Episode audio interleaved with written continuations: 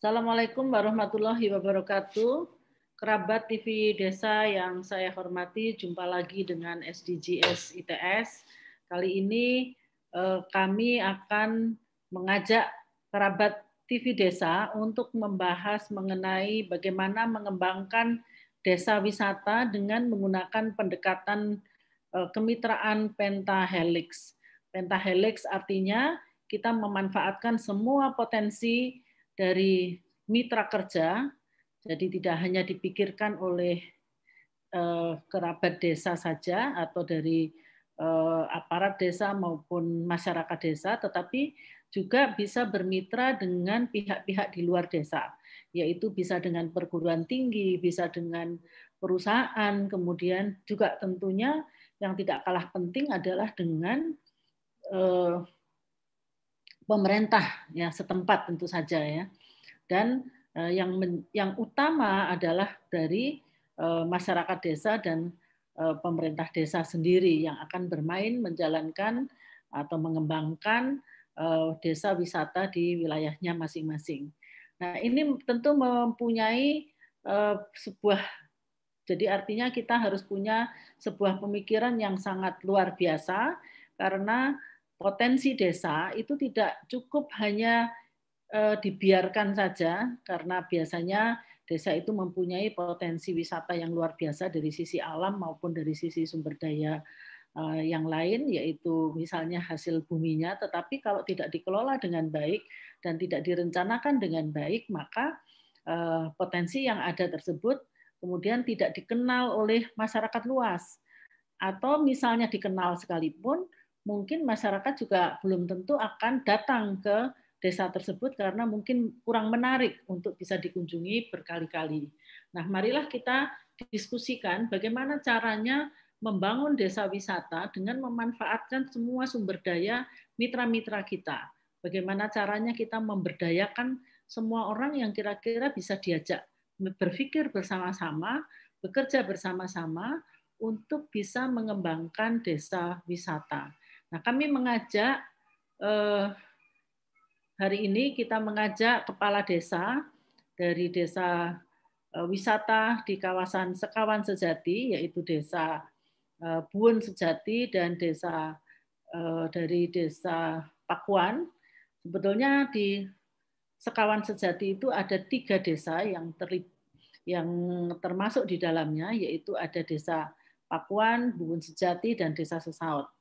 Nah, kami nanti akan menayangkan bagaimana potensi desa eh, wisata Sekawan Sejati ini yang sudah di SK-kan oleh SK Gubernur eh, SK Bupati Lombok Barat bahwa itu adalah merupakan sudah ditetapkan sebagai desa wisata. Nah, kami juga nanti akan mengajak eh, jadi bermitra dengan perguruan tinggi itu adalah bukan hanya dengan dosennya saja, bukan hanya dengan lembaganya saja, tetapi juga dengan mahasiswa. Jadi nanti kita akan berbincang-bincang juga dengan mahasiswa yang terlibat di dalam eh, pengembangan wisata Sekawan Sejati ini. Nah, silahkan ditayangkan bagaimana potensi eh, Sekawan Sejati.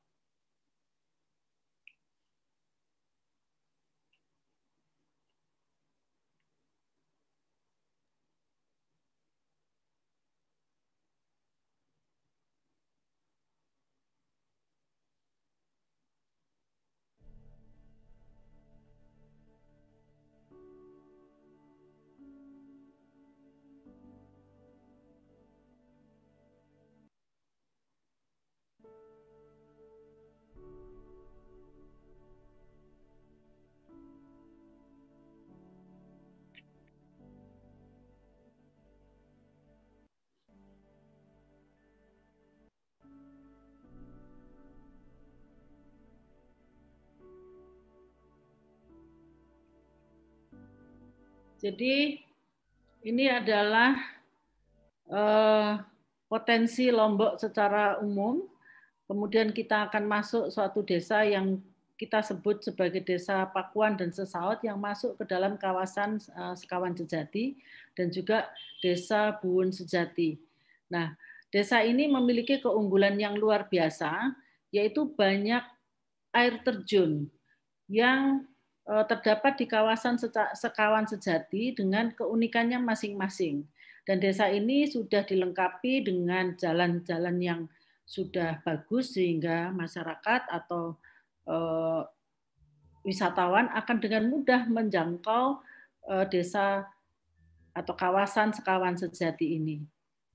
Jadi eh, kita lihat bahwa kawasan Sekawan Sejati ini indah dan eh, suasananya menyenangkan, ya, kemudian dilengkapi dengan berbagai potensi, di antaranya adalah hamparan sawah, kemudian ada kebun, kemudian ada apa itu uh, hutan juga di terutama di Pakuan itu ada hutan yang sangat terkenal yaitu Tahura Nuraksa. Jadi ini adalah suasana dari uh, kawasan Sekawan Sejati. Nah, masyarakat juga sudah punya beberapa usaha seperti yang terlihat di dalam gambar itu adalah usaha kecil-kecilan ya, belum sampai kepada skala yang bisa dinikmati oleh para wisatawan terutama kalau wisatawannya itu berasal dari uh, di luar uh, Lombok sendiri ya. Jadi barangkali uh, apa potensi yang ada di atau warung-warung yang ada di sana itu masih uh, terlampau kecil jika dibandingkan dengan kebutuhan para wisatawan. Jadi kawasan uh, Sekawan Sejati ini mempunyai keunikan karena ada di antaranya karena adanya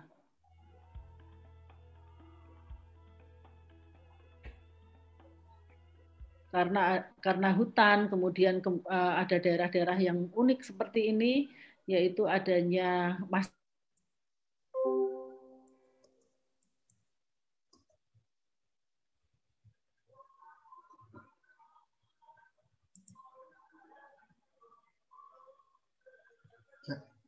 itu video sekawan sejati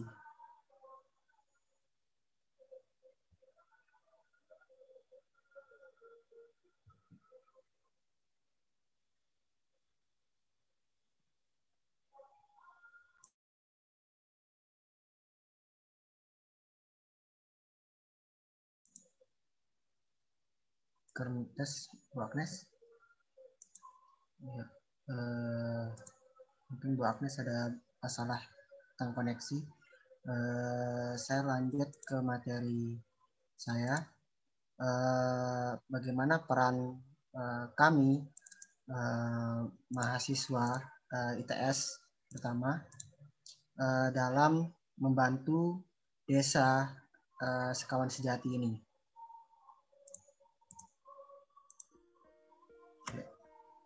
Ya, pertama uh, kami uh, terdiri dari 15 anak, 15 orang. Uh,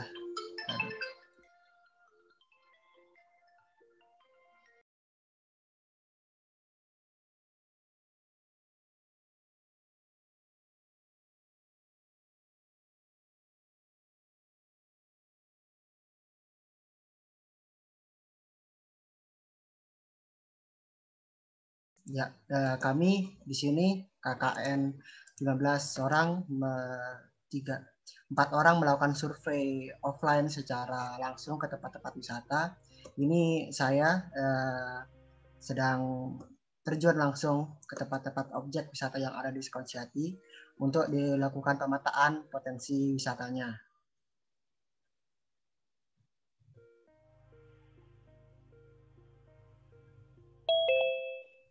Ya.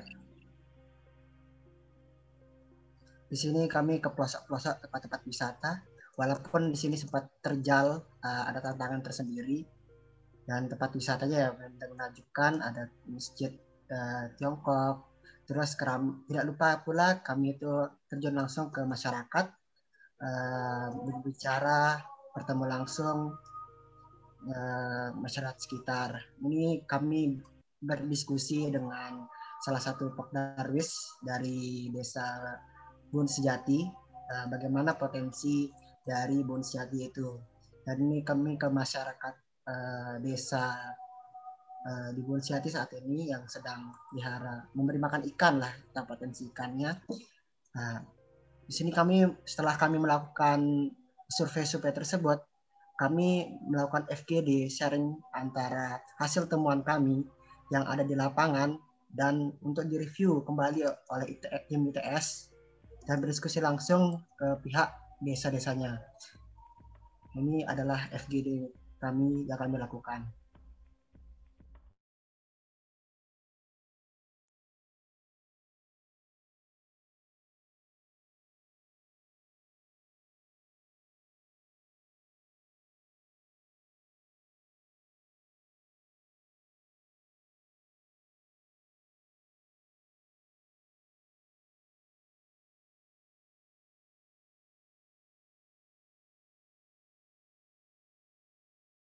Yang kepada uh, perangkat dan stakeholder setempat mengenai pembangunan uh, desa wisata tersebut. Nah, ini video kami survei. Ya, mungkin sampai situ saja nanti hasil kerjanya saya presentasikan lagi. Waktu dan tempat saya kembalikan ke ya, Jadi demikian potensi desa sekawan sejati yang luar biasa jadi eh, kami begitu yakin bahwa desa apa kawasan Sekawan Sejati ini sangat-sangat potensial untuk dikembangkan menjadi desa wisata. Nah, setelah kami melakukan rapat seperti tadi dijelaskan, rapat kemudian survei kepada Pok Darwis, kepada uh, tokoh masyarakat, kemudian kepada uh, aparat desa, kami menemukan berbagai hal yang uh, merupakan kelemahan dalam tanda petik uh, untuk seandainya desa ini dikembangkan menjadi desa wisata. Maksud saya kelemahan itu adalah bahwa sebetulnya lembaga-lembaga yang ada di desa itu barangkali perlu disiapkan lebih lagi untuk bisa membuat desa wisata itu menjadi sangat bagus dan profesional. Ya, jadi lembaganya, lembaganya seperti eh, BUMDes, kemudian juga ada Pok Darwis, kemudian ada lembaga-lembaga yang lain sebetulnya cukup banyak, tetapi eh, belum terlalu siap untuk dijadikan eh, lembaga yang mampu melakukan pengelolaan pada desa wisata ini. Kemudian masyarakat itu juga perlu disiapkan karena belum semua masyarakat itu sadar bahwa potensi mereka, potensi dari kawasan-sekawan sejati ini eh, dalam tanda petik adalah sangat layak jual. Nah, layak jual kepada siapa? Yaitu bukan hanya kepada eh, masyarakat seputar Lombok, tetapi sedapat mungkin adalah masyarakat di luar Lombok. Dan itu tentu membutuhkan upaya yang besar, yaitu merubah eh, mindset dari masyarakat, merubah tata cara mereka itu memberikan layanan kepada pembeli misalnya, kualitas produknya juga, maka itu perlu di siapkan masyarakatnya untuk bisa melayani dan cocok dengan kebutuhan para wisatawan. Nah, eh, menurut hasil pengamatan kami dari ITS bahwa modal itu sebetulnya tidak terlalu masalah karena desa sekarang ini mempunyai eh, dana desa yang cukup untuk itu. Dan dari sisi SDM dari sisi SDM, saya kira eh, kawasan sekawan sejati ini sangat mumpuni karena banyak ini saya share screen karena sebetulnya kalau kita lihat grafik ini sebetulnya kawasan sekawan sejati ini itu punya SDM yang cukup. Kelompok-kelompok eh, apa usia kerja yang cukup besar jadi di sini ada kelompok usia kerja yang cukup banyak, yaitu berusia katakan 20 sampai 54 tahun. Ini cukup banyak. Kemudian di desa Sesaut maupun desa eh, Pakuan itu juga sama. Nah artinya sebetulnya masyarakat itu seandainya sudah terlatih, maka bisa bersama-sama untuk membuat kawasan sekawan sejati ini betul-betul bisa di kemas menjadi kawasan wisata yang luar biasa. Selain itu sebetulnya kawasan Sekawan Sejati ini juga punya potensi budaya yang bagus sekali. Jadi tidak kalah sebetulnya dengan Bali. Nah, oleh karena itu potensi-potensi ini harus kita kenali bersama-sama. Oleh karena itu di dalam pengembangan desa wisata ini kami melakukan proses yaitu pertama adalah mengenali potensi desa. Ya, mengenali potensi desa, potensi apa saja yang kira-kira bisa ditawarkan kepada para wisatawan. Yang kedua adalah mengenali kelemahan-kelemahan atau kekurangan-kekurangan apa atau permasalahan-permasalahan apa yang dihadapi oleh desa. Dan itu yang harus diperbaiki dan dikembangkan agar akhirnya kawasan Sekawan Sejati ini memang betul-betul layak menjadi kawasan wisata yang mampu memberikan layanan yang luar biasa kepada eh, para wisatawan. Jadi ini yang kami kerjakan di eh, Desa Sekawan Sejati dan ini tentu membutuhkan dukungan banyak pihak, terutama dari pihak pemerintah desa sendiri dan masyarakat desa sendiri. Bagaimana caranya supaya masyarakat mau bergerak bersama-sama, eh, kemudian bekerja bersama-sama, bergotong royong, sama-sama untuk mengembangkan kawasan Sekawan Sejati itu menjadi desa wisata. Apalagi itu menjadi desa wisata yang eh, sustainable atau eh, apa pembangunan desa berkelanjutan. Dan inilah yang dicita-citakan tentu saja karena dengan berkembangnya kawasan kawan sejati ini betul-betul menjadi desa wisata yang menjadi jujukan para wisatawan, maka desa ini akan berkembang dan eh, otomatis ekonominya pun akan tumbuh. Nah, kalau ekonomi tumbuh, masyarakatnya akan sejahtera. Saya kira itu akan menjadi tujuan utama dari pengembangan eh, kawasan sekawan sejati. Jadi mari kita diskusikan bagaimana caranya supaya uh, potensi yang luar biasa ini, potensi yang sangat layak jual ini, itu betul betul bisa dimanfaatkan oleh masyarakat desa menjadi sumber daya ekonomi sehingga masyarakat desa itu makin lama makin uh, sejahtera. Nah, kita membutuhkan pemikiran-pemikiran, rencana-rencana program yang sesuai sesuai dengan permasalahan yang dihadapi oleh desa. Dan inilah yang seharusnya kita kerjakan sedemikian rupa sehingga kekurangan-kekurangan atau ke eh, kendala-kendala yang dihadapi itu bisa diatasi sehingga desa eh, kawasan sekawan sejati betul-betul bisa dikelola secara eh, profesional. Nah, selanjutnya mari kita dengarkan Bapak Kepala Desa baik dari Desa Buun Sejati maupun Desa Pakuan yang mungkin eh, bisa menimpali apa yang telah kami eh, kerjakan di sana bersama dengan teman-teman dari eh, KKN yang cukup banyak jumlahnya. Jadi kami dari ITS itu bukan hanya dosennya saja yang memikirkan pengembangan kawasan kawan sejati, tapi kami juga menerjunkan mahasiswa KKN yang jumlahnya cukup besar, yaitu ada 15 orang ada empat orang yang bolak-balik karena berada di Lombok, yang sebelas orang lainnya berpikir melalui uh, secara online ya. Jadi mereka melakukan kajian-kajian secara online sehingga setelah disatukan maka kita akan sudah punya kira-kira harus apa yang dilakukan di uh, kawasan sekawan sejati ini. Silahkan ditayangkan dari uh, Bapak Kepala Desa dan setelah itu kita akan mendengarkan dari uh, salah satu perusahaan yang sangat gencar membantu pembangunan ya di masyarakat melalui program CSR, yaitu dari uh, Semen Indonesia. Silakan uh, Mas Aslian ditayangkan uh, video dari Bapak Kepala Desa. Assalamualaikum warahmatullahi wabarakatuh. Nama saya Mardan Haris, Kepala Desa Pakuan, Kecamatan Narmada, Kabupaten Mubarak, Nusa Tenggara Barat. Eh, pada kesempatan ini tentunya eh, kami dari pemerintah Desa Pakuan ingin menyampaikan bahwa eh, kami di Desa Pakuan mempunyai banyak sekali potensi-potensi eh, sumber daya alam baik itu sumber daya e, wisata maupun sumber daya hasil hutan dan hasil kebun. Pada kesempatan ini tentunya eh, kami dari pemerintah desa Pakuan eh, berencana untuk membuka akses eh, sumber daya wisata yang ada di Pakuan ini menjadi eh, desa yang terkenal.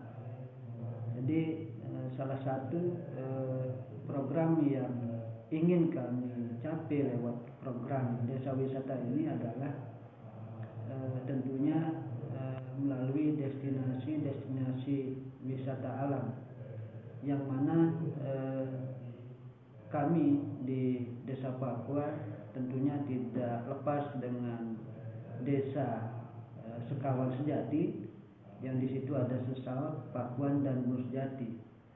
Secara geografis eh, Sekawan Sejati banyak sekali mempunyai kesamaan. Artinya eh, terkait dengan hamparan yang kita sama-sama tahu bahwa hamparannya adalah eh, hutan eh,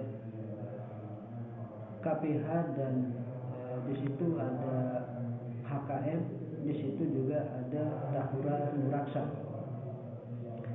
Yang lain tentunya eh, berbicara tentang eh, komoditi, komoditi tidak jauh berbeda juga, baik itu eh, komoditi kemiri, baik itu coklat, baik itu kopi dan lain sebagainya. Itu ada kemiripan, eh, tidak jauh beda lah apalagi berbicara tentang buah misalnya eh, buah durian, buah manggis, rambutan, duku dan sebagainya itu ada di wilayah Sekawas Jati. Nah ada sisi lain yang saya kira akan menjadi pemantik untuk eh, desa di Papua yaitu yang sedang kami dorong dan ingin eh, menjadi apa e, sesuatu yang menarik adalah terkait dengan jalur trek e, pendakian Renjani. Yang mana jalur ini tentunya melalui banyak proses saya kira tidak apa semudah apa yang kami e, harapkan karena memang e, jalur ini adalah e, kita harus melalui jalur atau kawasan Tahura Muraksa, kemudian eh, eh, Taman Nasional. Dan saya yakin eh, ini butuh proses. Tapi pada kesempatan ini tentunya eh, kami dari pemerintah desa eh, sudah mencoba untuk eh, melaksanakan atau membuka jalur yang memang sudah ada dari dulu. Peninggalan kakek nenek kami di situ. Eh, itu kurang lebih perjalanannya adalah dua malam tiga hari. Dan itu lewat e, jalur pendakian yang e, apa begitu e, menanjak. Konon ceritanya juga di situ memang e, menjadi jalur pendakian e, orang tua kami dulu e, di wilayah desa Pakuan. Itu e, salah satu ikon yang e, mungkin akan beda dengan e, dua desa yang lain Kemudian eh, secara eh, geografis memang eh, Sekawan sejati juga eh, sangat memberikan andil ketika jalur ini akan dibuka dan itu memang berdekatan apa desa-desanya. Nah harapan kami tentunya dari eh, apa eh, program atau jalur yang nantinya mudah-mudahan ini bisa realisasi tentunya kami mohon dukungan semua pihak terutama Pemda untuk mendukung dan membantu kami merealisasikan eh, keinginan eh, sekawan sejati terkait dengan jalur trek eh, pendakian Rinjani. Yang lain tentunya eh, kami di Desa Pakuan eh, kalau berbicara tentang eh, wisata misalnya eh, Desa Pakuan eh, saat ini eh, sudah diberikan SK oleh Pemda untuk menjadi desa wisata. Jadi eh, menurut kami tentunya kami dari pemerintah desa eh, masih banyak kekurangan.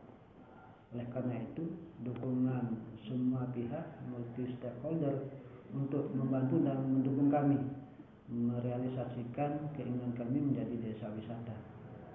Jadi eh, kami dari desa Pakuan, pemerintah desa Pakuan eh, sangat siap untuk mendukung itu dan menjadi desa wisata.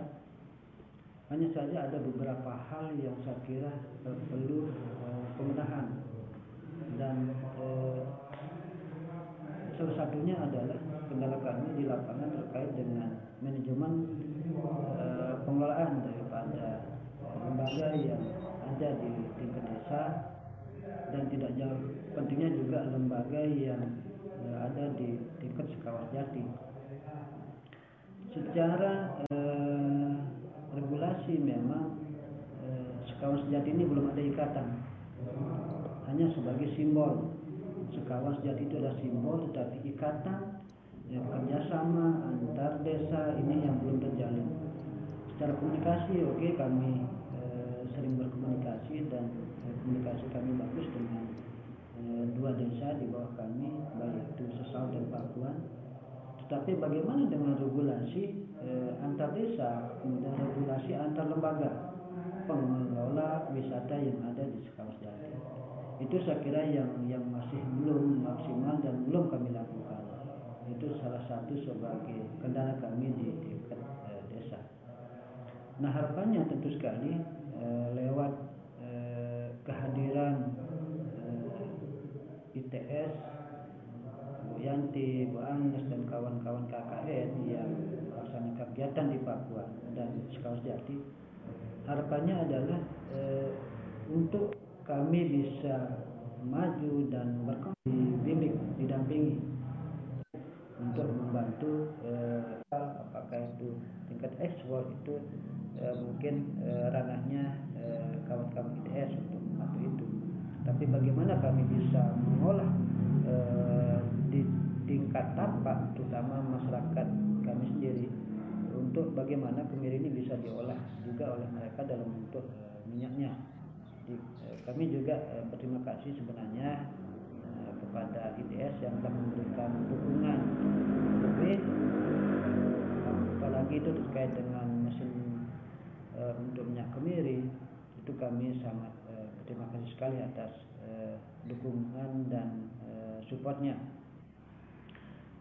Yang lain tentu sekali apa yang menjadi apa cita-cita kami tentu sekali ini juga tidak lepas daripada dukungan kawan-kawan di bawah lembaga desa baik itu uh, Bumdes, kemudian lembaga lain untuk bagaimana uh, ke depannya tentu sekali uh, menyongsong uh, apa uh, Eh, desa wisata menjadi eh, desa yang terkenal ini paling tidak eh, sekali apa harapan kami sangat bergantung pada dukungan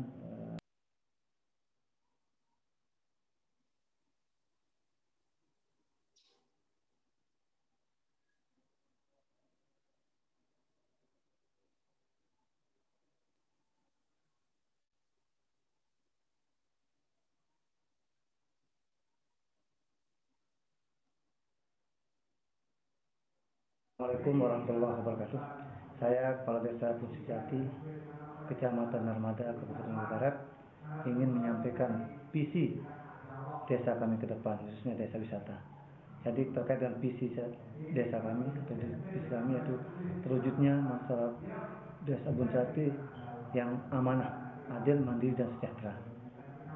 Lalu kemudian eh, dengan adanya eh, SK Bupati untuk menjadikan salah satu pilot proyek wisata untuk Lumbung Barat bahwa desa kami, desa Bunsati, eh, apa namanya, eh, langkah awal kami adalah bagaimana membuat semacam master plan untuk bisa kami jadikan menata potensi yang ada. Sehingga ada semacam perencana di situ.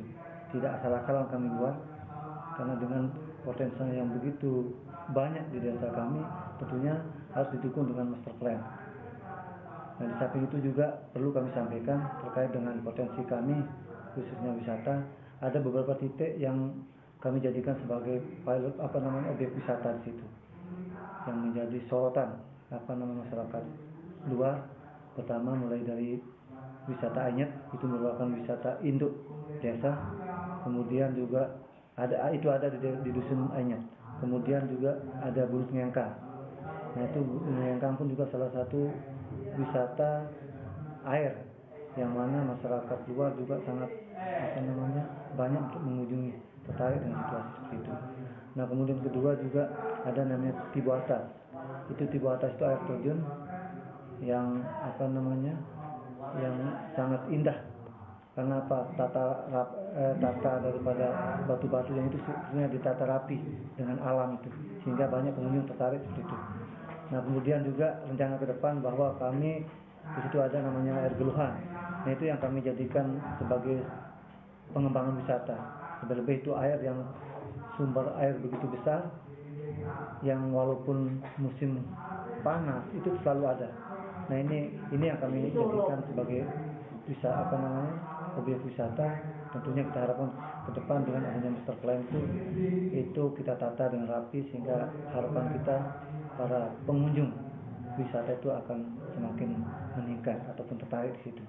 Dan juga ada satu lagi, ini juga eh, apa namanya salah satu pengembangan wisata, tapi ini berbatasan dengan desa Batu Mekar di situ. Ada dengan eh, wisata Batu Belin. Nah itu juga bisa kita jadikan sebagai apa namanya objek wisata dengan air yang begitu apa namanya jernih dan juga alam yang yang mendukung di situ. Nah, sehingga itu mungkin kita akan semua itu kita buatkan semacam master plan supaya betul-betul kita tata, kita rencanakan potensi ini. Jangan asal kita bangun. Dan apa namanya di samping itu juga banyak potensi yang lain. Tidak hanya wisata, juga ada wisata apa eh, wisata agro wisata yang ada juga di situ dengan eh, konsep bahwa banyak masyarakat kami apa namanya eh, yang mata pencarian para petani. Nah itu itu kita akan jadikan sebagai agrowisata di samping juga perlu kami sampaikan bahwa desa wisata ini terdiri dari lima dusun. Yang dua tiga dusun muslim dan dua dusun agama Hindu. Nah walaupun begitu tetap toleransi selalu ada bahkan masing-masing dusun punya apa namanya eh, keunikan ya. Wisata tersendiri sebetulnya. Seperti wisata apa namanya eh, kesenian juga ada. Adanya eh, ini kesenian tradisional namanya Bilbandu itu ada di dusun Karamjeti itu agama Hindu. Itu juga menarik perhatian para pengunjung terlebih-lebih ini eh, di desa kita. Harapan kita begitu para pengunjung masuk ke desa tidak hanya menikmati satu namun banyak apa namanya eh, potensi yang dilirik itu sebagai apa namanya wisata terkait dengan pelayar ataupun promosi ini memang kami sebenarnya sangat berharap dan dengan keterlibatan ITS untuk membuat sangat kami bersyukur sekali. Karena apa? Karena, karena saya yakin dengan adanya apa pelayar ataupun lain sebagainya itu salah satu cara untuk mempromosikan desa kami karena saya yakin desa itu tidak akan bisa terkenal kalau tidak le lewat seperti itu kan? Website dan sebagainya. Sekarang yang membuat orang terkenal lewat media. Nah itu ini yang ini yang kami harapkan sehingga tidak hanya di lokal NTB ataupun Bal tapi mendunia. Orang luar negeri pun juga tahu bisa lihat tentang desa kami. Makanya kami secara pribadi dan desa sangat bersyukur dengan pembuatan apa website desa untuk bisa mempromosikan desa kami di luar. Nah itu barangkali yang perlu kami sampaikan kaitannya dengan potensi yang ada di desa. Oleh karena itu kami berharap kepada pihak terkait untuk bisa menyupport terlebih-lebih ITS ya, yang ini sangat luar biasa mendukung kami. Mudah-mudahan ini semua menjadikan desa besar ke depan menjadi desa yang maju, yang menjadi andalan eh, Lombok Barat ke depan dan NTB secara umum. Terima kasih. Ya, tadi itu video dari uh, Kades di Sekawan Sejati. Waktu dan tempat, saya persilakan Bu. Ya, terima kasih Aslian. Jadi ini tadi kita sudah melihat betapa bagusnya eh, kawasan sekawan sejati itu dan dengan berbagai potensinya. Dan tentu ini eh, tidak bisa hanya dengan membiarkan potensi tersebut kemudian wisatawan akan datang sendiri. Tidak tidak memungkinkan untuk bisa terjadi seperti itu. Oleh karena itu perlu dikelola perlu dipromosikan, kemudian perlu ada SDM dan lembaga yang mumpuni yang bisa mengelola kawasan wisata sekawan sejati ini supaya uh, akhirnya bisa dikenal secara luas bukan hanya di seputar Lombok tetapi juga di luar Lombok bahkan di luar negeri sedemikian rupa sehingga banyak orang tertarik untuk datang. Untuk apa? Mungkin mereka datang untuk menikmati pemandangan, tapi mungkin bisa juga mereka datang itu untuk belajar, belajar tentang alam, belajar tentang hutan misalnya, belajar tentang tadi ada potensi kemiri misalnya dan sebagainya dan bahkan belajar tentang budaya.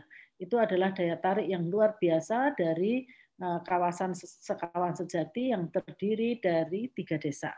Nah, eh, kerabat TV Desa yang saya hormati bersama kita juga ada Pak Muhyiddin ini uh, mungkin kita bisa berbincang-bincang, Pak Muhyiddin, kira-kira memungkinkan nggak desa Sekawan Sejati ini atau kawasan Sekawan Sejati itu dikembangkan betul-betul menjadi desa wisata yang bisa dikelola secara profesional. Apakah masyarakatnya itu memang ingin gitu ya?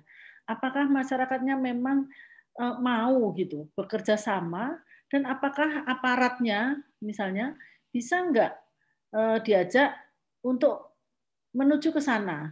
Termasuk di antaranya adalah eh, pemuda desa yang mestinya itu adalah yang menjadi penggerak utama di kawasan wisata. Jadi di mana-mana yang saya lihat seperti misalnya di Jogja itu ternyata yang yang punya apa greget atau yang punya semangat tinggi itu adalah pemudanya.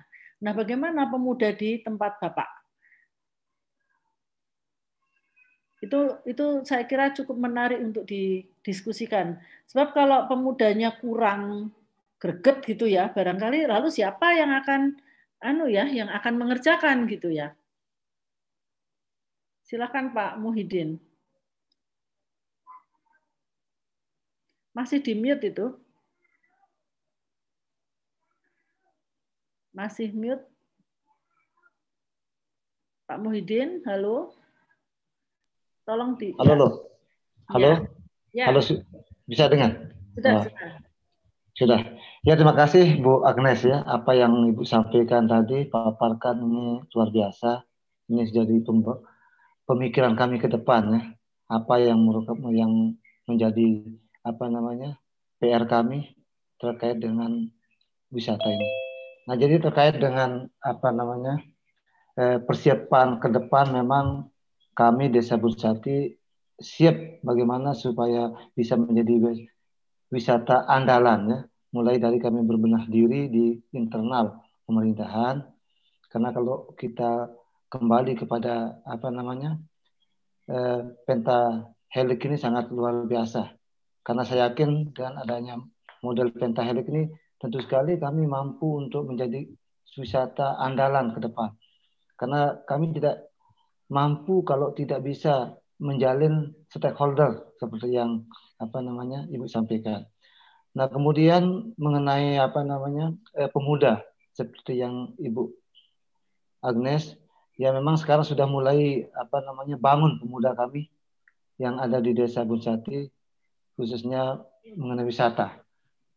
Karena sudah mulai kita berbenah mulai dari lembaga-lembaga yang ada seperti halnya Pok Darwis, termasuk juga apa namanya PPID ya pejabat apa namanya eh, informasi desa itu ya pejabat ya itu sudah kita mulai benahi. Bahkan sekarang Pokdawli sudah mulai ingin mempersiapkan untuk menyambut tahun baru. Karena saya yakin di tahun baru pengunjung sangat luar biasa seperti yang terjadi di tahun-tahun yang sebelumnya. Sehingga gerak apa namanya eh, semangat daripada pemuda kita sudah mulai terbangun sekarang. Nah, ini yang perlu kita eh, apa namanya apresiasi, perlu kita bina. Nah kemudian eh, terkait dengan apa namanya pentahelik ini kami khususnya pemerintah desa sangat sangat berharap jalinan kerjasama karena kami dengan potensi yang begitu besar, yang begitu banyak di desa kami, khususnya Bursati, maka kami tidak mampu kelola dengan ataupun kembangkan dengan baik tanpa ada jalinan seperti ya apa dari akademisi ya, termasuk juga pengusaha dan juga media. Namun media ini hari beberapa minggu yang lalu, hari yang lalu kami sudah membuat apa namanya mengadakan semacam pelatihan kapasitas kelembagaan PPID ini, yang mana tujuanlah untuk bisa apa namanya memperkenalkan, mempromosikan desa lewat media ini. Nah, jadi seperti yang Ibu harapkan, insya Allah bahwa kami sudah siap untuk memulai membangun diri, termasuk juga para pemuda dalam rangka mengembangkan wisata ke depan itu. Itu barangkali Ibu. Ya, baik. Terima kasih. Jadi semangatnya Pak Muhyiddin ini luar biasa. Saya kira siap untuk membangun desa wisata ya Pak Muhyiddin. Ya. Nah kebetulan ini uh, ada Bu Umu. Ya Bu Umu ini adalah uh, dari uh, perusahaan yang biasa memberikan bantuan CSR Pak Muhyiddin. Ya dan kerabat TV desa. Jadi ini kebetulan memang bukan kebetulan ya, memang eh, kita sengaja mengundang Bu Umu ini karena Bu Umu ini punya eh, pengalaman lapangan yang luar biasa. Dulu sebagai eh, manajer atau apa direktur ya Bu Umu untuk CSR di eh, Holcim. Nah, sekarang beliau adalah CSR manager di PT Solusi Bangun Indonesia TBK yang merupakan member dari Semen Indonesia Group. Jadi saya kira ini uh, kita kedatangan tamu yang luar biasa, mudah-mudahan nanti bisa nyambung. Bu Mu, selamat malam Bu Mu. Selamat malam Bu Tuti, Bapak Ibu sekalian. Assalamualaikum warahmatullahi wabarakatuh. Waalaikumsalam. Nih saya paksa Bu Mu hadir. Masih menggeh katanya. Tapi alhamdulillah bisa gabung. Mungkin Bu Umu mau share pengalaman. Jadi Pak Muhyiddin ini dari desa apa? Uh, desa Buun Sejati ya Pak Muhyiddin ya? Ya, ya betul. Uh, ini inginnya kawasan Buun Sejati ini Bu Umu itu merupakan bagian dari kawasan Sekawan Sejati yang sudah di SK-kan oleh Bupati Lombok Barat menjadi desa wisata. Dan potensi oh. potensinya ini luar biasa. Banyak ada beberapa uh, air terjun yang berdampingan ya, berdekatan satu sama lain di tiga desa. Kemudian ada hutan Bu Umu. Ada hmm. hutan. Kemudian ada uh, apa uh, hamparan sawah, kebun, bahkan penghasil coklat dan kopi. Lalu kemiri juga. Ya, kemudian durian ya. Jadi saya kira kalau itu dijadikan desa wisata ini mestinya potensinya bagus sekali asal mampu mengelola kan gitu ya Bu Umu. Di mana Bu? Di Lombok Barat. Namanya? Sekawan Sejati desanya. Oh. Kawasannya namanya Sekawan Sejati terdiri dari tiga desa, namanya Desa Pakuan, Buun Sejati dan Sesaut. Nah, yang hadir sekarang ini adalah Kepala Desa Buun Sejati. Jadi inginnya desa ini menjadi dewasa wisata yang Eh, menjadi jujukan wisata bukan hanya untuk orang Lombok, tetapi juga untuk eh, masyarakat di luar Lombok, mungkin dari Jawa atau bahkan dari luar negeri. Karena sebetulnya kalau datang ke kawasan Sekawan Sejati itu tidak hanya berwisata, tetapi bisa juga belajar gitu. Belajar tentang lingkungan, tentang alam gitu Bu Umu. Yeah. Silakan Mas Aslian bisa di-share slide-nya Bu Umu.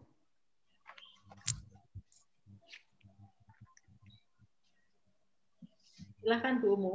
Ya, yeah, matur nuwun. Uh, Bapak Ibu sekalian ini mohon maaf ya saya nggak menyiapkan materi apa-apa karena tadi di kontak Bu Tuti juga masih dalam ini apa namanya sedang sedang melakukan pelatihan untuk petani-petani uh, di lahan bekas tambang kami di Sukabumi gitu. Jadi ya mohon maaf ya, uh, ini hanya sekedar pegangan, tapi sebaiknya mungkin nanti kita diskusi aja soal pengalaman.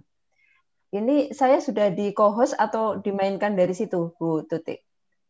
Boleh di co-host, bisa dimainkan dari Mas Aslian ini. Oh, enggak, enggak. Baik, baik. Berarti uh, dari Mas Aslian, enggak. Yeah. Nah, ini adalah hanya saya mau menyampaikan uh, prinsip kalau di perusahaan, terutama di semen uh, di solusi bangun Indonesia ya di slide berikutnya uh, itu saya sedikit jelaskan. Nah ini ini uh, rumah tempat bekerja saya namanya adalah Semen Indonesia Group gitu ya. Semen Indonesia Group itu adalah BUMN yang bergerak di bidang semen gitu. Nah, uh, apa nama komitmen CSR kami itu ada di bagian yang saya kasih merah itu. Nah, itu di misi kami gitu. Fokus menciptakan perlindungan lingkungan dan tanggung jawab sosial yang berkelanjutan dan memberikan nilai tambah terbaik untuk seluruh pemangku kepentingan. Jadi kalau tadi Bu Tuti menjelaskan mengenai buwon sejati tadi ya ada air terjun, ada macam-macam. Itu kan sebenarnya kalau kita mengelola itu nanti juga akan menjadi satu uh, tujuan untuk uh, untuk ini ya melakukan uh, perlindungan terhadap lingkungan sebenarnya di sambil di samping juga nanti bisa dikembangkan menjadi satu uh, tempat yang bisa menghasilkan secara ekonomi. Sebenarnya gitu. Nah, di slide berikutnya ini adalah rumah induk kami ya, Semen Indonesia Group. Nah, saya itu ada di Semen Indonesia eh, di Solusi Bangun Indonesia. Jadi anak perusahaannya. Dulu namanya Holcim Indonesia. Merek semennya dulu Holcim, sekarang merek semennya Dynamics karena memang sudah bergabung dengan Semen Indonesia Group. Ini nggak usah kita jelaskan lebih lanjut biar kita bisa diskusi soal uh, community development-nya ya. Nah, di slide berikutnya ini adalah prinsip kalau kita mengembangkan program CSR gitu. Ini ada beberapa langkah gitu ya. Eh, kita harus lihat dulu. Kalau misalnya uh, Nyosewu Pak siapa tadi nggih Pak kepala desanya Asmone eh, dari Pak Pak Muhyiddin. Pak Muhyiddin tadi misalnya Pak Muhyiddin mau mengembangkan satu lokasi untuk pariwisata dan sebagainya. Nah, Bapak bisa mengidentifikasi dulu perusahaan-perusahaan di sana itu siapa saja yang paling dekat. Itu awalnya kan seperti itu. Karena perusahaan pasti kalau menyusun satu program untuk bisa memberikan eh, apa namanya memberikan kontribusi memberikan dukungan itu pasti mereka mempunyai eh, tujuan perusahaan. Lihat misi visinya tadi. Nah makanya tadi kan saya lihatkan visinya Semen Indonesia Group termasuk solusi bangun Indonesia itu ada yang berkaitan dengan lingkungan, dengan masyarakat, itu ada di misinya. Artinya perusahaan itu mempunyai komitmen terhadap eh, lingkungan hidup dan terhadap eh, pengelolaan sosial gitu. Nah itu eh, kita lihat memang harus rajin-rajin membaca nih Pak atau rajin-rajin nguping lah ya apa namanya mendengar gitu. Bu Agnes Tuti ini sumber informasi sumber banyak informasi Pak Muhyiddin jadi bisa diskusi dengan beliau perusahaan-perusahaan mana yang mempunyai potensi. Nah, kita lihat dari visi dan misi perusahaan dulu. Nah, kemudian kita lihat mereka mempunyai kebijakan CSR-nya itu bagaimana gitu. Nah, eh, pasti CSR-nya itu akan dikaitkan eh, dengan kebijakan pemerintah setempat. Kemudian diintegrasikan dengan induknya. Kayak tadi kan saya di SBI, saya pasti akan melihat Semen Indonesia grupnya ini apa yang menjadi tujuan CSR-nya. Nah, kita harus mengikuti itu. Kemudian ada banyak arahan-arahan dari misalnya dari direksi, dari uh, pemegang saham itu pasti dipertimbangkan oleh perusahaan untuk menyusun suatu uh, program gitu. Kemudian juga apa kewenangan-kewenangannya uh, fungsi-fungsi ini.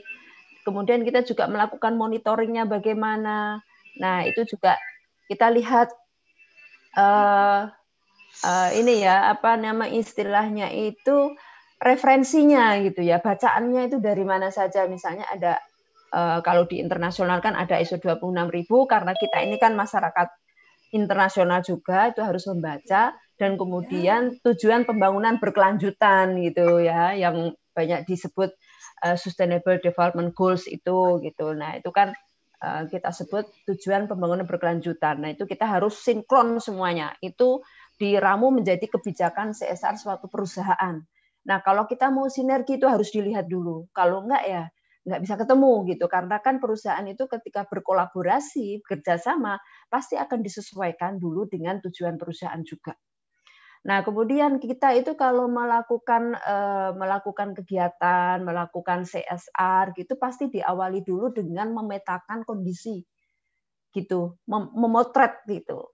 Lokasi ini seperti apa gitu. Apa potensinya gitu ya sumber daya manusianya bagaimana sumber daya alamnya seperti apa apakah ada masalah-masalah yang ada di sana.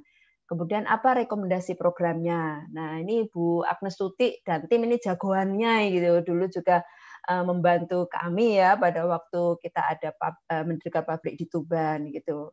Kita lihat potensinya apa, nah itu kita lakukan. Kita lihat demografi desanya dulu. Oh ini ada yang uh, sesuai nih. Oh ini kurang di sini.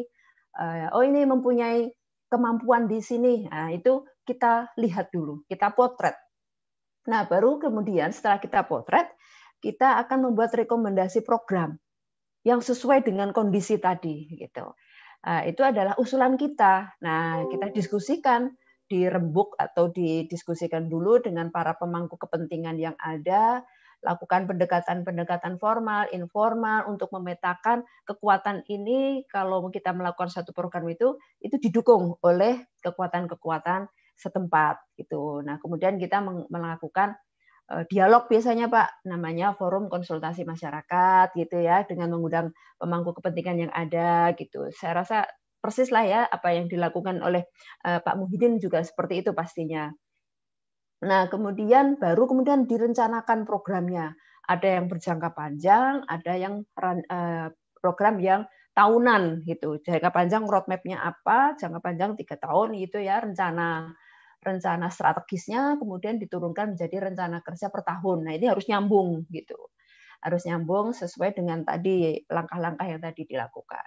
Nah, untuk itu eh, kenapa begitu agar programnya itu terstruktur dan terus berkesinambungan, tidak putus di jalan itu. Eh, nah, itu enggak gampang gitu. Makanya kita memang harus ini ya, harus benar-benar merencanakan secara terstruktur. Nah, setelah kita lakukan programnya, itu juga berfokus kepada community development, meminimalisasi pemberian-pemberian yang sifatnya itu cepat habis atau donasi. Nah, biasanya kalau kita berpikir program CSR, oh minta bantuan untuk bangun gedung, bangun jembatan dan sebagainya. Nah, itu kan ya memang berguna gitu ya, tapi uh, cepat habis. Atau misalnya minta bantuan sembako, bantuan uh, yang sifatnya untuk konsumsi sesaat itu bisa, tetapi memang itu kita minimalisir agar bisa fokus untuk tujuan berjangka panjang. Kayak seperti ini tadi mau mengembangkan pariwisata di daerah Buwon Sejati misalnya, itu kan butuh langkah panjang. Nah, itu eh, jadi tidak bisa dilakukan dengan pemberian bantuan sesaat saja, misalnya seperti itu. Nah, dalam pelaksanaannya kita harus melakukan monitoring dan kontrol evaluasi dengan semua pihak. Biasanya kita juga melibatkan pihak-pihak pemangku kepentingan. Apakah program itu sudah sesuai atau belum? Nah, ini biasanya kita lakukan seperti itu. Itu adalah langkah-langkah yang kita lakukan gitu ya. Nah, sebenarnya tujuan utamanya itu tadi untuk sinergi ya. Sinergi, kolaborasi dan kemitraan gitu. Jadi mudah-mudahan nyambung juga ya, nyambung gitu. Sinergi bagaimana bisa gitu perusahaan, pemerintah itu punya apa, masyarakat punya apa. Kita sinergikan, kita kolaborasikan, eh, kita lakukan kemitraan. Nah, kita itu eh, di apa namanya slide berikutnya saya eh, lihatkan ini prosesnya di solusi bangun Indonesia. Tadi itu kan kita harus muter itu tadi yang saya ceritakan itu harus muter ah, sehingga tidak terputus. Istilah kami ini ya PDCA itu ya, itu uh, penentuan perencanaan program, penganggaran, persetujuannya, proses pelaksanaannya itu benar-benar diatur gitu agar tadi tujuan yang terstruktur tadi tercapai. Kalau mau bikin uh, lokasi untuk wisata itu semua harus terstruktur dan dimonitor agar nggak putus gitu.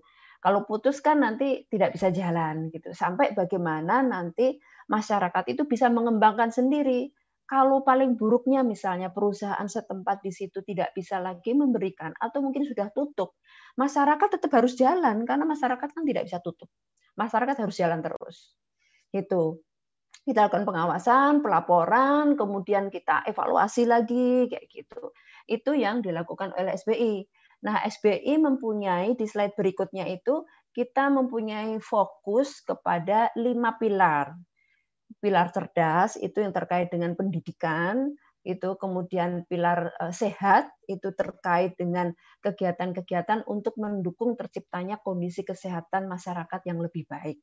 Kemudian mandiri. Nah, pilar mandiri ini adalah pilar pemberdayaan baik ekonomi, kemudian eh, pemberdayaan masyarakat ya, ekonomi yang menghasilkan.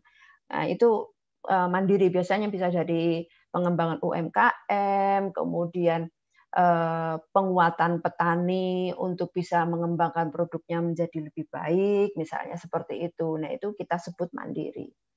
Kemudian lestari. Nah, tadi kan mau membuat ini ya apa eh, lokasi wisata. Jadi nyambung antara mandiri dan lestari gitu. Jadi kalau di lestari itu kan semua kegiatan yang sifatnya itu mendukung terciptanya kondisi lingkungan yang lebih baik baik itu lingkungan tumbuhan apa alam maupun lingkungan sekitar kita, rumah kita. Jadi kalau membangun satu eh, tempat wisata yang harus kita lakukan tidak hanya tempat wisata tersebut, tetapi juga bagaimana kita memberikan pendidikan atau pemahaman kepada masyarakat agar mendukung itu gitu. Agar mendukung diajarin gitu caranya menerima tamu, caranya membersihkan eh, tempat-tempat itu eh, tempat rumah sendiri lah ya. Membersihkan rumah sendiri agar terlihat rapi terlihat bagus bersih. Nah itu juga bagian dari yang harus kita siapkan.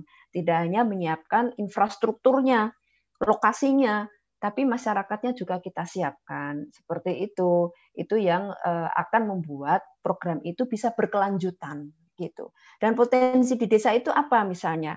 Misalnya ada yang bisa eh, apa namanya apa kalau di Lombok itu banyak yang menenun ya gitu. Nah, ada nanti kelompok yang menenun yang itu nanti akan menjadi eh, eh, eh penyuplai atau pe, ini ya penyedia souvenir misalnya atau penyedia barang-barang yang bisa dijadikan uh, cenderamata kayak gitu. Mungkin juga ada makanan-makanan khas di sana, ada kelompok lagi. Jadi satu desa itu bisa tergerak semua. Ada yang ahli bikin uh, tenun, ada yang ahli bikin makanan, ada yang ahli bikin uh, apa ya, yang lain gitu. Nah itu dikoneksikan satu persatu gitu. Jadinya semua tergerak bersama-sama. Karang Tarunanya juga dikuatkan dengan membuat satu uh, ini ya kelompok untuk mengelola parkirnya, misalnya seperti itu. Nah itu butuh butuh satu uh, ini ya Pak apa namanya kekuatan bersama lah itu tadi sinergi dari semua pihak. Itu saja Bu, eh, Bu Tuti eh, di belakang ini setelah slide ini hanya contoh-contoh saja, jadi ini bisa nanti dilihat aja. Jadi contoh-contoh yang kita lakukan saja ya, SBI cerdas, SBI sehat, mandiri dan sebagainya. Itu contoh-contohnya saja. Tapi itu prinsipnya. Jadi kalau mau berhubungan dengan perusahaan, untuk bekerja sama memang kita harus lihat apakah perusahaan itu mempunyai tujuan sejalan dengan yang akan kita perjuangkan. Nah, eh, terutama untuk perusahaan-perusahaan yang paling dekat. Karena perusahaan-perusahaan semacam perusahaan semen pasti akan mempunyai fokus lebih banyak kepada wilayah-wilayah yang ada pabriknya di situ. Itu. Ada beberapa perusahaan yang tidak perlu eh, sesuai dengan eh, lokasi pabriknya. Itu misalnya kayak Pertamina, bank, itu kan eh, kemudian ini ya perusahaan yang memproduksi sabun, memproduksi pasta gigi atau memproduksi mie gitu. Nah, itu adalah perusahaan yang biasanya mereka lebih leluasa untuk diajak kerjasama karena luasan capaiannya lebih luas gitu. Nah, itu nanti yang bisa kita diskusikan eh, lebih lanjut. Saya rasa demikian dulu Bu Tuti mungkin nanti kita bisa diskusi lebih lanjut. Terima kasih.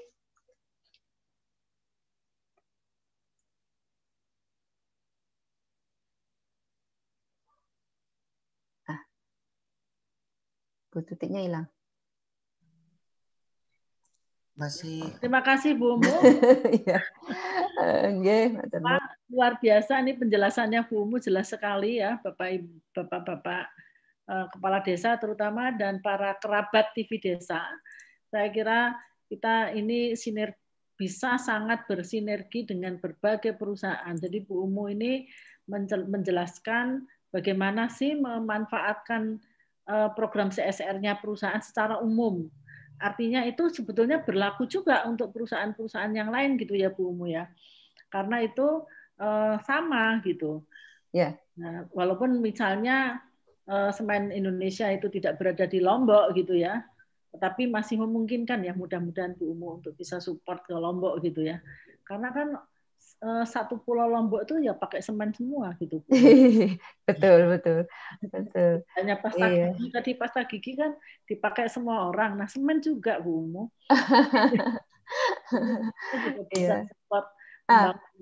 di Oh iya. Oh iya, pemerintah itu sebenarnya punya ini ya Bu Tuti, punya lima tujuan desa eh, tujuan wisata super super prioritas gitu.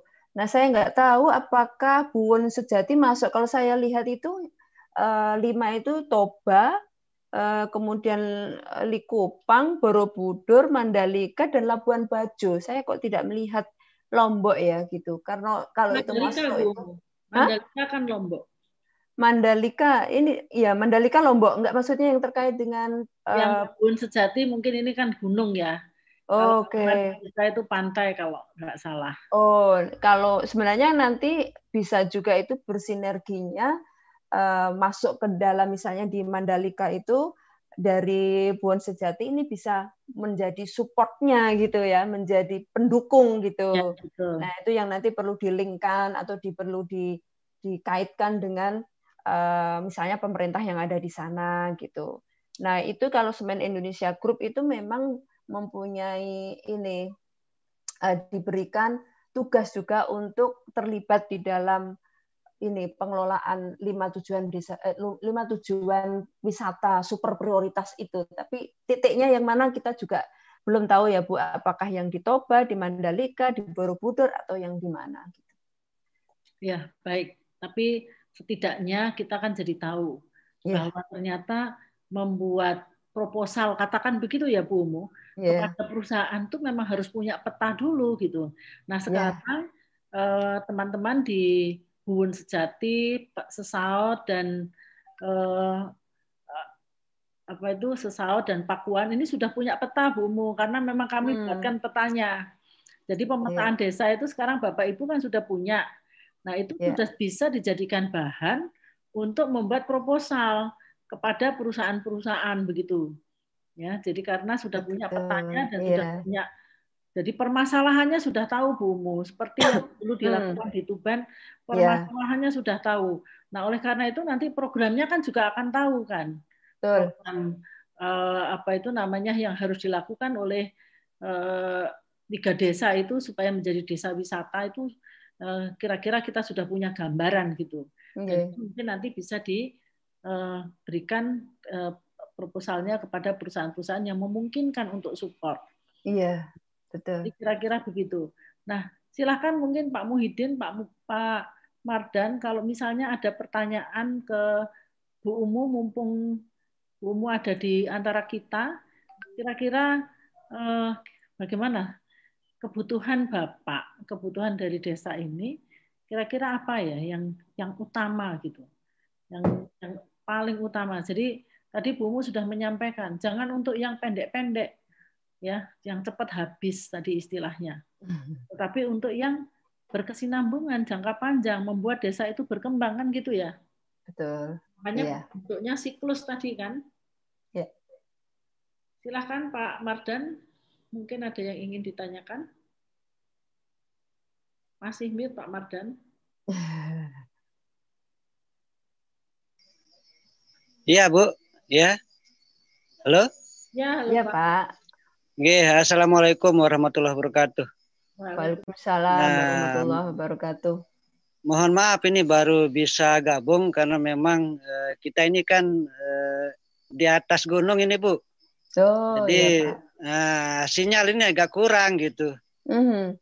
Nah, jadi sedikit menanggapi apa yang disampaikan Ibu Umu tadi, yang walaupun memang kami eh, baru buka hanya melihat sepotong Bu ya, Iya, Pak. tapi eh, saya bisa gambarkan bahwa eh, untuk di desa kami di Pakuan memang eh, dengan kondisi yang agak begitu tinggi, kemudian eh, hutan gitu, eh, kami beberapa waktu yang lalu memang pernah melaksanakan kegiatan dengan kawan-kawan eh, akademisi Hmm. terkait dengan eh, karbon, Bu.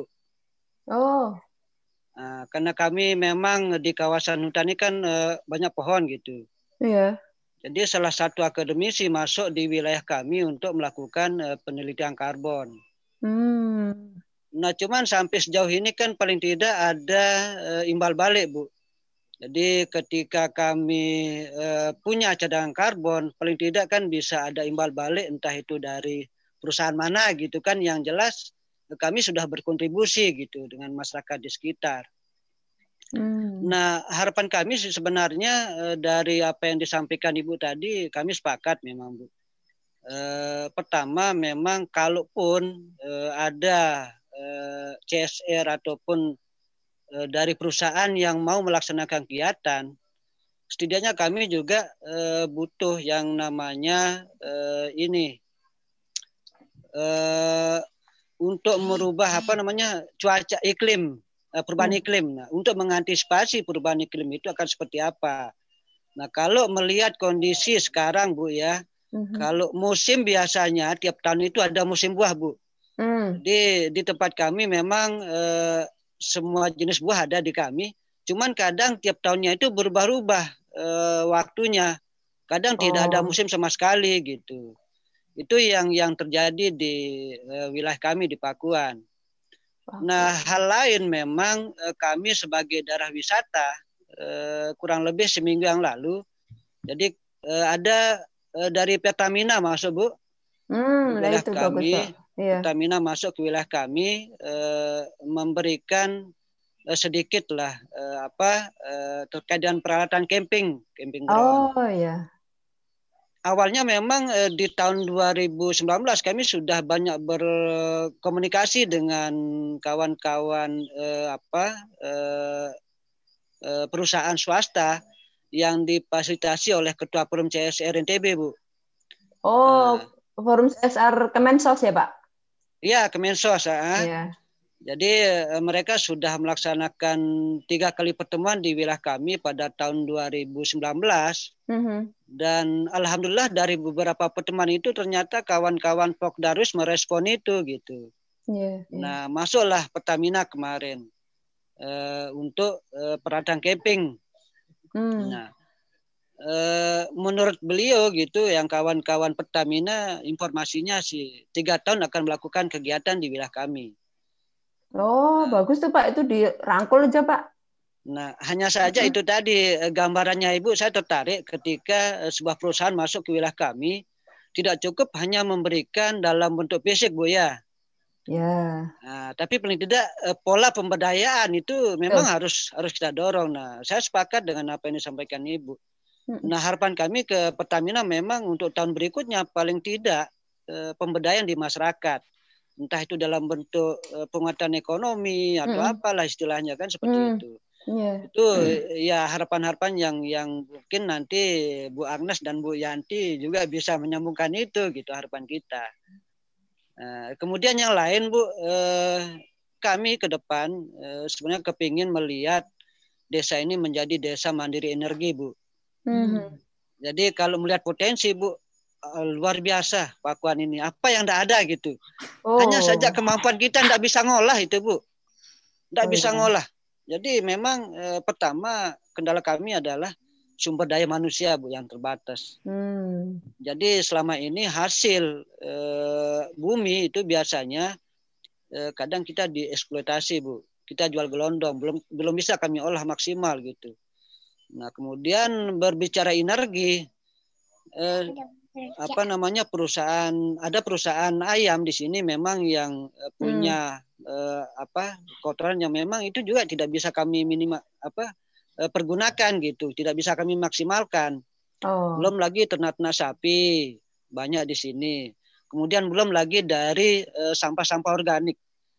Nah, uh, memang kita masih ini Bu sebenarnya di wilayah kami ini masih awam dan masih gaptek memang. Jadi persoalan sinyal juga tidak ada di Pakuan itu Bu, masih oh, masih sangat kurang gitu. Nah, saya kira ini Bu hmm. Umu sebagai gambaran dari Desa Pakuan dan mudah-mudahan Bu Agnes juga uh, bisa membantu untuk memberikan informasi itu gitu. Ya. Terima kasih Bu. Baik Pak Mardan, terima kasih sekali. Sebelum dijawab Bu Umu, mungkin Pak Muhyiddin ada yang perlu yang ingin disampaikan juga. Jadi nanti Bu Umu bisa menampil uh, menjawabnya berbarengan gitu ya.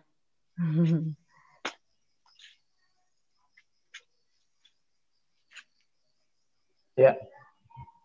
Jadi terkait dengan apa yang Ibu paparkan tadi memang betul ya bahwa kami pun juga apa namanya eh, ingin menyampaikan beberapa kendala ya yang perlu sebagai PR kami ke depan untuk bisa terwujudnya desa Busjati atau desa wisata wisata ke depan lebih maju lagi itu.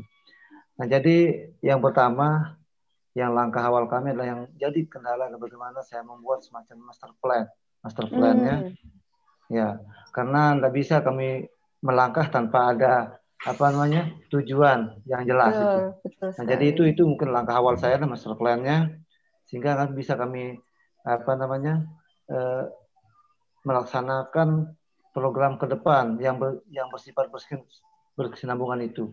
Karena tidak cukup hanya sekaligus kan harus bertahap itu untuk bisa kita apa namanya penataan seperti itu. Nah kemudian kedua apa yang disampaikan tadi Pak Mardan, Kades Papua tidak jauh beda kendala kami terlebih-lebih desa wisata yang mana di desa wisata ini kan tidak lepas daripada jaringan internet. Mm -hmm. Nah itu itu juga salah satu kendala kami di situ di bagian wisata Ainyet yang ada di dus, eh, salah satu dusun yang ada di desa besar ini. Itu jaringan itu yang sebenarnya mm. tidak bisa apa namanya eh, jalan ya sehingga kami pun juga sebagai tantangan buat ke depan itu. Mm -hmm. Nah di samping itu juga ya ini mungkin sudah lumrah di semua wisata itu mengenai bangsa sampah itu sampah organik Kalaupun kami Desa Bursati sudah membentuk sebuah apa namanya ya lembaga istilah bank sampah itu. Namun karena bank sampah kan masih sifatnya lokal belum mampu untuk mengelola yang lebih banyak. Hanya bisa terkadang yang sifatnya anorganik itu yang seperti yang plastik. Tapi kalau yang yang lain apalagi yang model eh, apa istilahnya tuh sampah anorganik itu yang belum karena hmm. faktor alatnya yang tidak ada ya. Nah jadi ini sebuah PR kami karena saya yakin bahwa desa wisata itu maju apabila ditata ditata dengan bagus dan juga kebersihan seperti Bu Agnes sampaikan, gitu. sehingga akan tercipta suatu apa namanya eh, tadi yang Ibu sampaikan bidang kesehatan itu akan terwujud. Ya betul.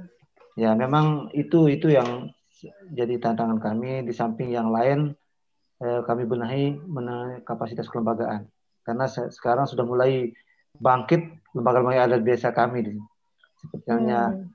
tadi ya Pokdarwis, Bumdes itu sudah mulai termasuk Karang Taruna. Hmm. hmm. Jadi mudah-mudahan dengan keterlibatan bangkitnya lembaga ini akan bisa menjadikan sebuah eh, apa namanya eh, kemajuan terlebih-lebih dengan masuknya ITS yang membimbing ya. kami ya. Nah ini luar biasa. Ya. Karena saya yakin dengan model pentalik ya, pentahelik ini tentu sekali eh, ke depan itu seperti yang apa yang ada di desa Ponggok ya waktu Ponggok Klaten itu kan pernah kami ke sana. Oh ya, Ya, karena Klaten dulu informasi bahwa di situ kan termasuk desa tertinggal. Nah, dengan masuknya akademisi ya yang seperti ini ya model pentahelik ini ya sehingga sekarang itu menjadi desa yang maju nah ini yang kami coba harapkan bagaimana jadi ke depan seperti itu ya dengan hmm. masuknya apa namanya akademisi ya ada ITS ini khususnya ini mampu untuk menggugah kami dalam pengelolaan wisata ke depan ini. Ya, terima nah, itu barangkali ya. Itu barangkali eh, yang perlu kami sampaikan. Yang terpenting adalah kami mohonlah dukungan ya support dari Ibu Agnes khususnya ITS ya. Karena kalau kami sampaikan keluhan banyak sekali. Kami punya potensi banyak tapi ya. cara pengelolaannya yang masih ya, belum. Ya. itu barangkali ya. Terima kasih eh, Ibu atas ya, support dan dukungannya. Okay. Terima kasih Bapak-bapak. Mungkin sebelum saya komentari nanti mungkin Bu Mu ada komentar sedikit. Silakan Bu Mu.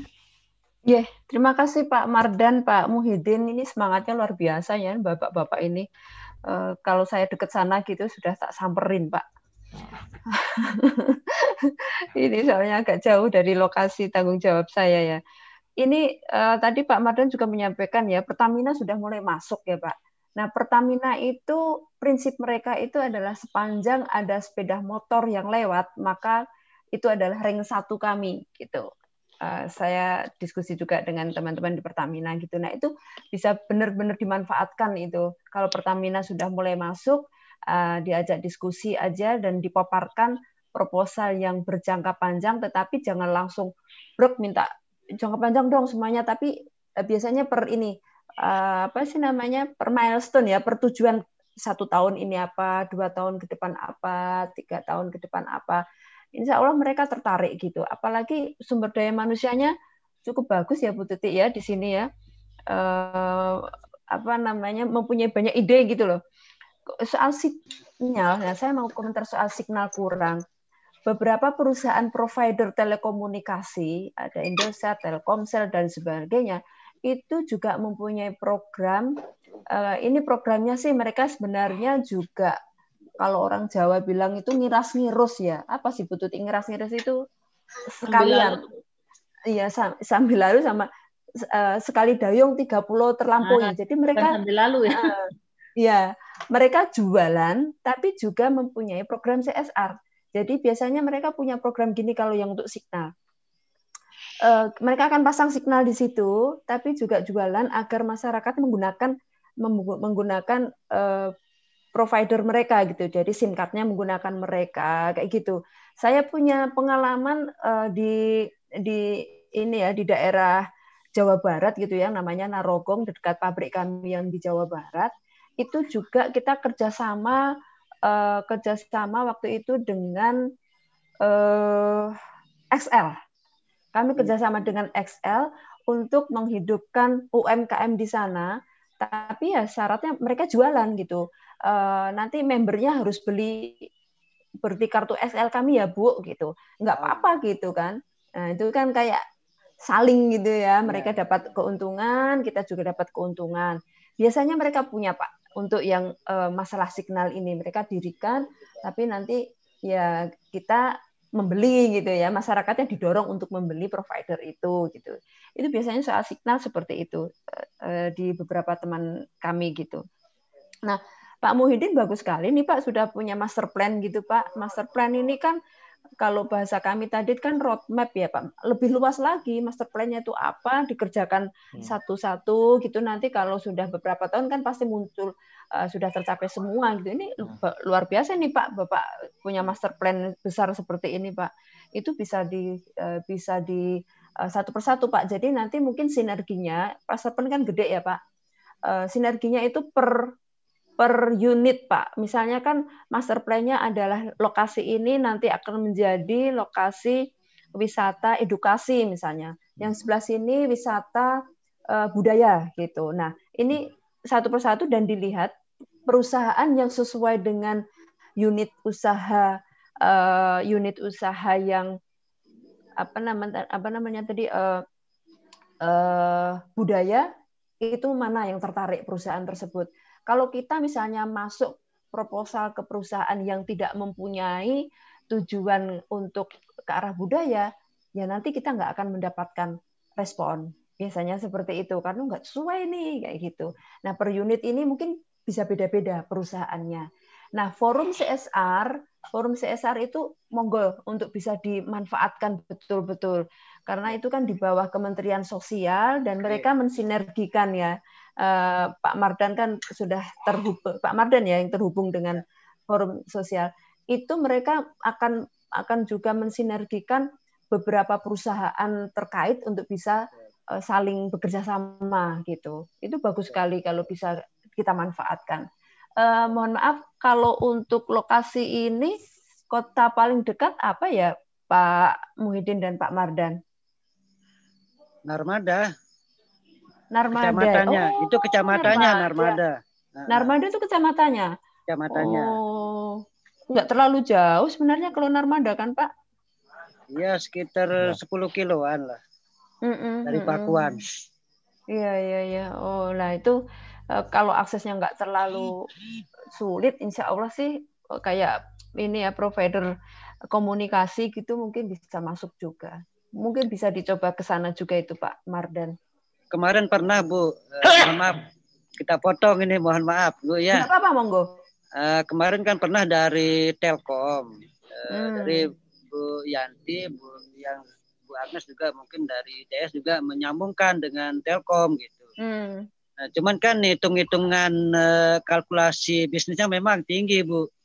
Yang uh. walaupun bukan kita yang bayar kan, tetapi penggunaan masyarakat ini kan masih minim gitu kan. Khawatirnya oh, kita iya. tidak kejangkau kan. Hmm. nah kemudian disarankan untuk ke kominfo. Nah di kominfo ada informasi eh, anak perusahaannya PLN yang hmm. Icon Plus gitu oh, kan. Icon Plus ya nah, jadi saya coba Icon Plus ini memang secara bisnis plan-nya bagus sih. Karena kita sambungkan dengan BUMDes waktu itu Oh, nah, bagus Pak. Jadi uh, Icon Plus ini berhubungan dengan BUMDes rencana awalnya kan. Nah, hmm. baru kemudian BUMDes yang akan memasangkan ke tiap-tiap warga biar tidak semuanya ini kan masang. Hmm. Jadi BUMDes hmm. yang yang uh, manajerialnya hmm. gitu. Iya, mengelola. Nah, hmm, hanya saja sampai saat ini belum bisa realisasi. Nah, apakah menunggu tahun anggaran atau memang ada kendala lain kan belum ada informasi gitu sampai sekarang. Gitu. Iya, iya, iya, betul, Pak. Memang di semua perusahaan sekarang sedang banyak yang tiarap, Pak, karena-karena pandemi, Pak. gitu. Itu memang iya. semua perusahaan sekarang itu istilahnya efisiensi itu loh, Pak. Semua iya. efisiensi, baik sumber daya manusianya, eh, kemudian juga eh, sumber dananya itu hmm. banyak diketatin gitu diketatin yeah. karena kita belum tahu pandemi sampai kapan, sementara kondisi pasar, kondisi eh, jualan hmm. itu juga belum membaik gitu. Yeah. Kebanyakan tidak hanya perusahaan semen, perusahaan yang lain juga seperti itu. Dalam kondisi seperti itu sebenarnya eh, potensi yang luar biasanya itu adalah di UMKM itu. Hmm. UMKM yang lebih banyak bisa untuk bisa ini ya apa survive gitu yang bertahan. Yeah didekatin aja lagi Pak itu Telkom ya. atau mana itu Pak? Itu kan potensi gitu Pak. Iya iya iya Bu. Nggih. Nah, kita iya. akan coba lagi Bu nanti ya iya. Bagus nih. Hebat. Masih mute Bu Tuti. Iya. Baik Bu Mu terima kasih sekali yang sudah eh, memberikan pencerahan yang luar biasa ini bagi terutama bagi desa dan tentu saja bagi semua kerabat TV desa. Jadi yang nonton ini Bumu bukan yang ngobrol bukan di, hanya di antara kita karena kita tayang yeah. melalui YouTube juga Bumu dan bisa di oh. kali-kali. Jadi nanti ilmunya itu kan bisa ditularkan kepada banyak orang. Betul. Nah, betul. Jadi eh, saya juga ingin menanggapi apa yang tadi disampaikan oleh bapak-bapak ya. Pertama adalah tentang ini keinginan untuk menjadi apa itu tadi uh, untuk menjadi apa mandiri energi ya. Oh ya. Mandiri, oh iya oh, iya. mandiri energi. Ya. ya, yang di Pakuan Bu. Uh. Tadi kan ada keinginan untuk mandiri energi dan Bu di situ itu kan karena potensi airnya luar biasa ya dan lagi itu air terjun. Kami pun tertarik sebetulnya. Nanti kami akan menghubungi teman-teman yang ahli energi. Jadi di ITS itu ada pusat kajian energi, pusat iya. studi energi, dan itu energi terbarukan juga dibahas di situ. Wah, ya. mantap. Sehingga nanti kalau kita rame-rame ke sana bisa melihat potensinya. Tetapi selain itu kan ada biomas ya. Ya, ya. Oh, biomas ya. Nah, jadi saya kira itu juga solusi dari limbah yang dihasilkan oleh penduduk desa kalau bisa dijadikan energi, kenapa tidak kan? Di antaranya juga bisa jadi energi, jadi pupuk, eh, pupuk alam gitu ya. Dan juga misalnya kotoran sapi misalnya itu kan juga dijadikan eh, energi juga gitu ya. Dan biogas, tentu ya. ITS itu sudah punya teknologinya. Iya, betul. Eh, Saya kira Bu Yanti pun tertarik loh itu untuk Ya. Mengembangkan energi di daerah situ. Nanti kami akan eh, tindak lanjuti Pak Mardan dan Pak Muhyiddin Oh, Bu. itu eh, sangat potensial. Nah, kemudian karena ini pasti dibutuhkan oleh semua desa. Ya. Mm-mm. Kemudian untuk pengelolaan sampah, ini juga saya kira itu salah satu hal yang harus dikerjakan. Karena salah satu kendala besar menjadi desa wisata itu adalah kebersihan. Begitu masyarakat merasa tidak nyaman, nggak akan datang. Nah, sampah ini harus bisa dikelola dengan baik. Dan sampah itu Hmm. sebetulnya juga menghasilkan uang. Jangan dianggap sampah itu lalu merepotkan kita. Mungkin juga ada sebagian yang bisa dijadikan uang, Betul. yaitu tadi dijadikan pupuk, dijadikan energi, itu kan artinya Hmm. bisa dijadikan uang. Asal memang masyarakatnya itu mau telaten. Jadi tadi yang saya katakan pemuda desa itu dididik untuk telaten, Hmm. untuk bisa Betul.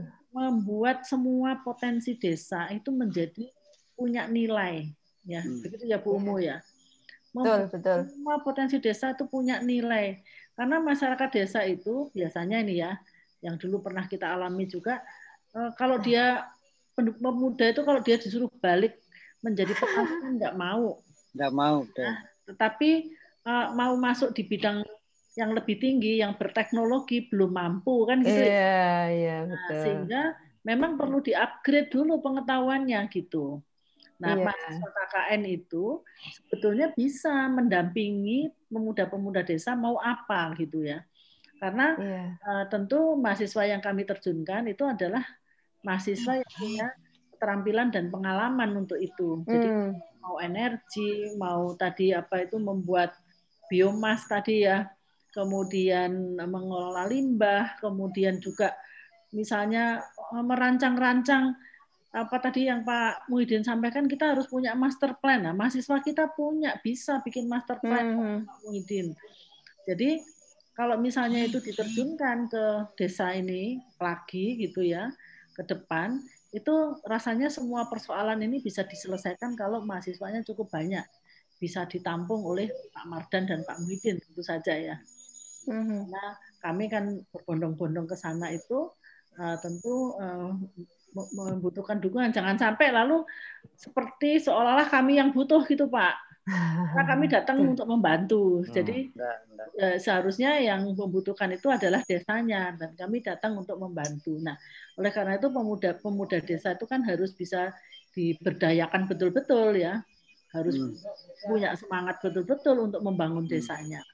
Nah, Ya. kemudian hal yang paling penting juga yang harusnya yang yang ingin saya sampaikan itu adalah penggunaan dana desa, Pak. Ya. Jadi memang membangun itu memang eh, sah-sah saja mau bangun apa saja. Tetapi yang dimaksudkan di dalam pembangunan desa itu sebetulnya yang berkesinambungan tadi, yang bisa menumbuhkan ekonomi. Jadi misalnya saja Bapak mau membangun desa wisata dengan misalnya merapikan pinggir-pinggirnya menjadi ditanami bagus gitu ya, sehingga akhirnya istilahnya anak muda itu sekarang instagramable ya. Jadi kalau di foto ditempel di Instagram itu bangga gitu Pak. Nah itu akan sangat apa itu namanya gotong royong di situ itu mendatangkan uang bapak gitu loh, mendatangkan uang kepada bapak. Tetapi kalau misalnya cuma bangun paving nggak jelas gitu ya, ya nggak Hmm. ada yang akan foto sama paving, ya kan? Kan yang foto itu kan sama bunga tadi, gitu ya Pak.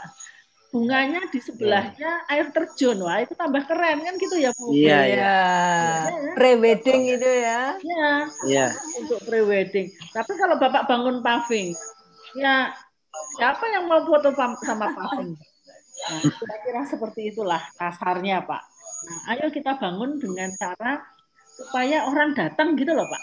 Jadi uang hmm. dana desa itu dipakai untuk membuat orang uh, luar itu datang ke desa Pakuan.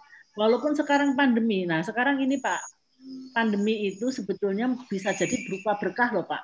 Karena semua orang ingin berwisata ke alam terbuka. Kalau alam terbuka itu nggak ada COVID-nya. Tapi hmm. kalau misalnya wisatanya itu di dalam ruangan, di mall gitu, itu malah ketularan COVID.